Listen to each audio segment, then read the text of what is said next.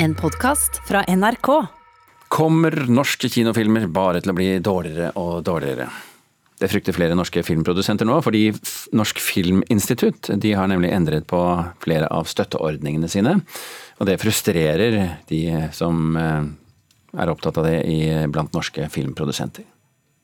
Jeg kommer til å melde meg til tjeneste. Det er mer bruk for meg i feltene her. Det handler ikke om hva du personligt måtte ønske deg ikke. Og er du så redd for å stå for. Du skal ikke kalle meg bange. Husker du filmen Kongens nei? Den kom ut i 2016, handlet om andre verdenskrig og hadde bl.a. utvisning på Slottsplassen med kongen og dronningen og masse publikum til stede. Filmen var det man kan kalle en norsk blockbuster. Og da er det litt rart at produsenten bak filmen, Stein Kvae, nå sier dette.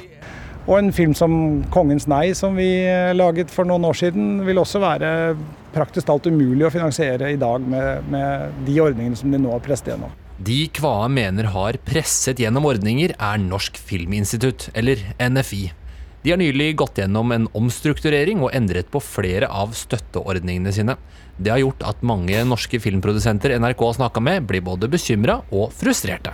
Noe grunn til at jeg og kanskje mange med meg er frustrert over det NFI gjør for tiden, er at hver gang det kommer en endring fra NFI, så vet man med sikkerhet at det er til det verre. Spesielt da for spillefilmen, som kanskje lider aller mest under de endringene som de gjør. Men hvis man snakker med NFI, så er ikke de helt enig i oppfatningen til filmprodusent Kvae om at spillefilmen nedprioriteres. Vi bruker to tredjedeler av filmfondet på, på spillefilm, og vi bruker minst like mye av tiden vår på, på spillefilmen. Så det kjenner jeg meg ikke igjen i. Sier direktøren i Norsk Filminstitutt, Kjersti Moe. Men hvorfor endret egentlig NFI måten de gir pengestøtte til norsk film på? Eh, hensikten med å endre støtteordningene eh, har jo vært primært å få kontroll på en budsjettsituasjon eh, som var galopperende, fordi det ikke var noen håper å si, ende på den ene av ordningene, det såkalte etterhåndstilskuddet. Og Det satt jo også i en situasjon hvor vi ikke kunne budsjettere, og hvor det da etter hvert ville gå utover alt annet som vi er satt til å holde på med. Her er kilden til mye frustrasjon for Stein Kva. En av de gamle støtteordningene var sånn at du fikk penger ut ifra hvor mange kinobilletter du solgte, og det fantes ikke noe øvre tak. Hvis noe ble en bestselger på kino, kunne filmen plutselig stikke av med en veldig stor del av kaka. Bra for de som har laget filmen, litt vanskelig for de som skal fordele penger til mange filmer med en fastsatt pengepott. Og det er et meget tungt ansvar. Og hva som blir resultatet av de nye ordningene, er ikke så lett å spå. Men produsenten til Kongens nei er tydelig på hva han er bekymra for. At vi får dårligere film på kino.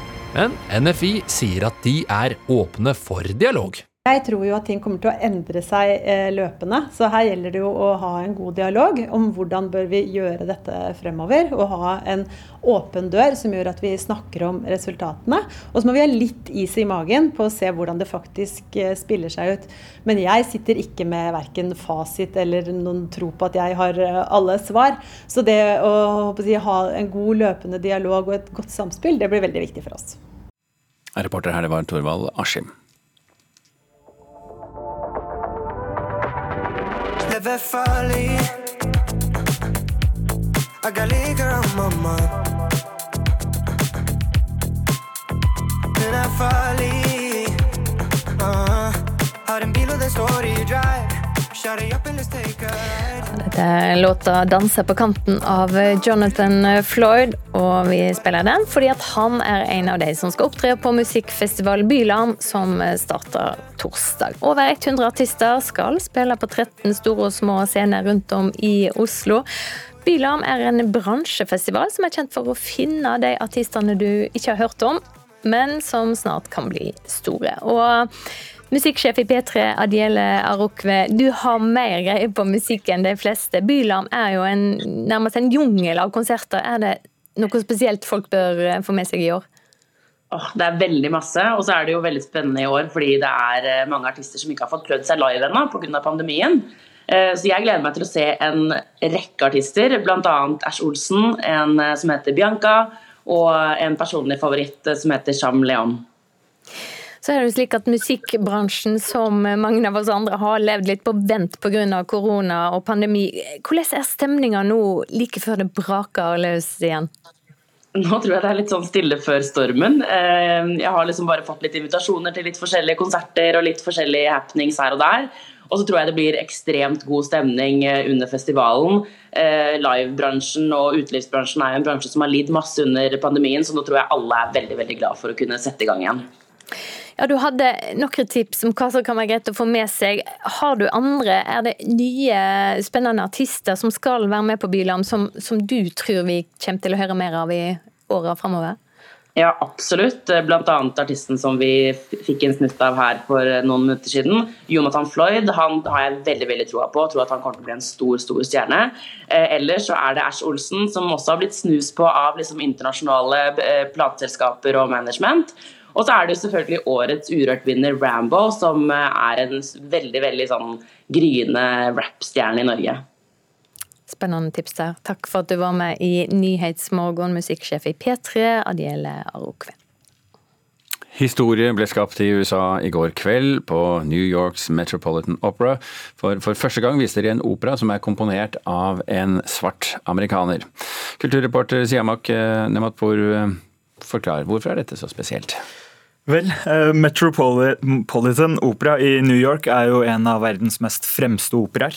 Eh, det er annet der den store Met-gallaen arrangeres hvert år, der vi ser disse kjendisene i sine fine outfits.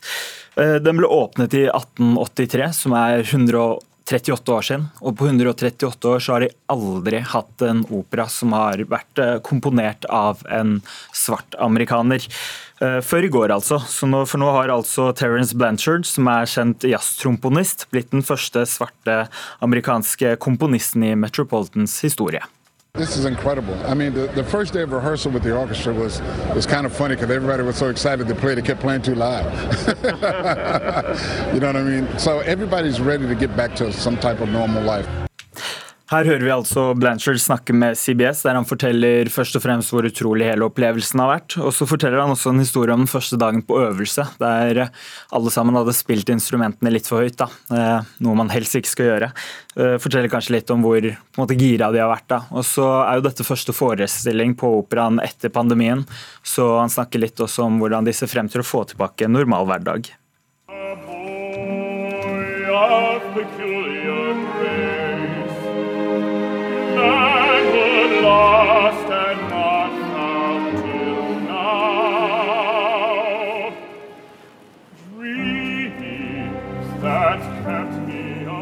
Dette her er eh, en av sangene fra denne operaen, 'Peculiar Grace'. Eh, men denne forestillingen og fortellingen i den, hva, hva handler den om? Forestillingen den heter 'Fire Shut Up In My Bones', og den er basert på memoarene til Charles Blow, som er en amerikansk journalist og kommentator i New York Times. Det handler om hvordan Charles Blow han eh, vokser opp som en svart amerikansk gutt i Louisiana, og han må kjempe seg gjennom fattigdom, gjennom vold og seksuell overgrep, da, før han til slutt ender opp som en ganske suksessfull skribent. Da. Mm, og, og Hvordan snakker man om denne forestillingen, og omtaler man den som uh, viktig? Den er viktig av mange forskjellige grunner, men eh, en ting som eh, Blanchard da, liker å trekke frem, er at det er en slags eh, endelig anerkjennelse av at svarte amerikanske har blitt på en måte ignorert i operaverden. De har ikke blitt tatt imot, men før nå, da, kan man si. Mm. Eh, fint. Tusen takk, Siamak Matbor. Da har vi fortalt det. Henny Onsdag kunstsenter på Høvikodden i Bærum viser nå en utstilling med den dramatiske tittelen 'Oppgjørets time'. Og Mona Palle Bjerke, kunstkritiker her i NRK. Hva slags oppgjør er det som blir tatt i denne utstillinga? Ja, dette er egentlig et, en utstilling som tar utgangspunkt i nyanskaffelsene til kunstsenteret i 2020 og 2021. Og det er en, et ektefødt barn av koronapandemien. Fordi Kulturdepartementet bestemte at museene ikke skulle bare få fri kompensasjon for tapte inntekter, men øremerkede midler til innkjøp av kunst. Og Henny Jonstad Kunstsenter de har jo en fantastisk samling, men de har jo ikke et innkjøpsbudsjett, så dette ga jo helt nye muligheter. Og når man da skulle kjøpe inn ja, ganske mye kunst, så ble det naturlig å reflektere omkring eh, samlingen da, og denne opprinnelige donasjonen fra Sonja Hennie og Nils Onstad da i 1968. Så utstillingen er altså et møte mellom den opprinnelige samlingen og disse nyervervelsene. Ja, En type dialog altså, kan en kanskje si mellom samtidskunstnere og ja, mestere fra kunsthistorien. Fungerer det? Ja, altså De fletter sammen ny og gammel kunst, og i noen eh, tilfeller så fungerer det eh, ganske bra. Sånn som mellom den eh, unge norske kunstneren Herman Bamba og den franske modernisten Jean de Buffet. Begge de har uttrykk hvor, som man kanskje først syns ser abstrakt ut, og så står man og ser, og så stiger det frem figurative elementer fra flaten, men ved veldig ulik måte å gjøre det på.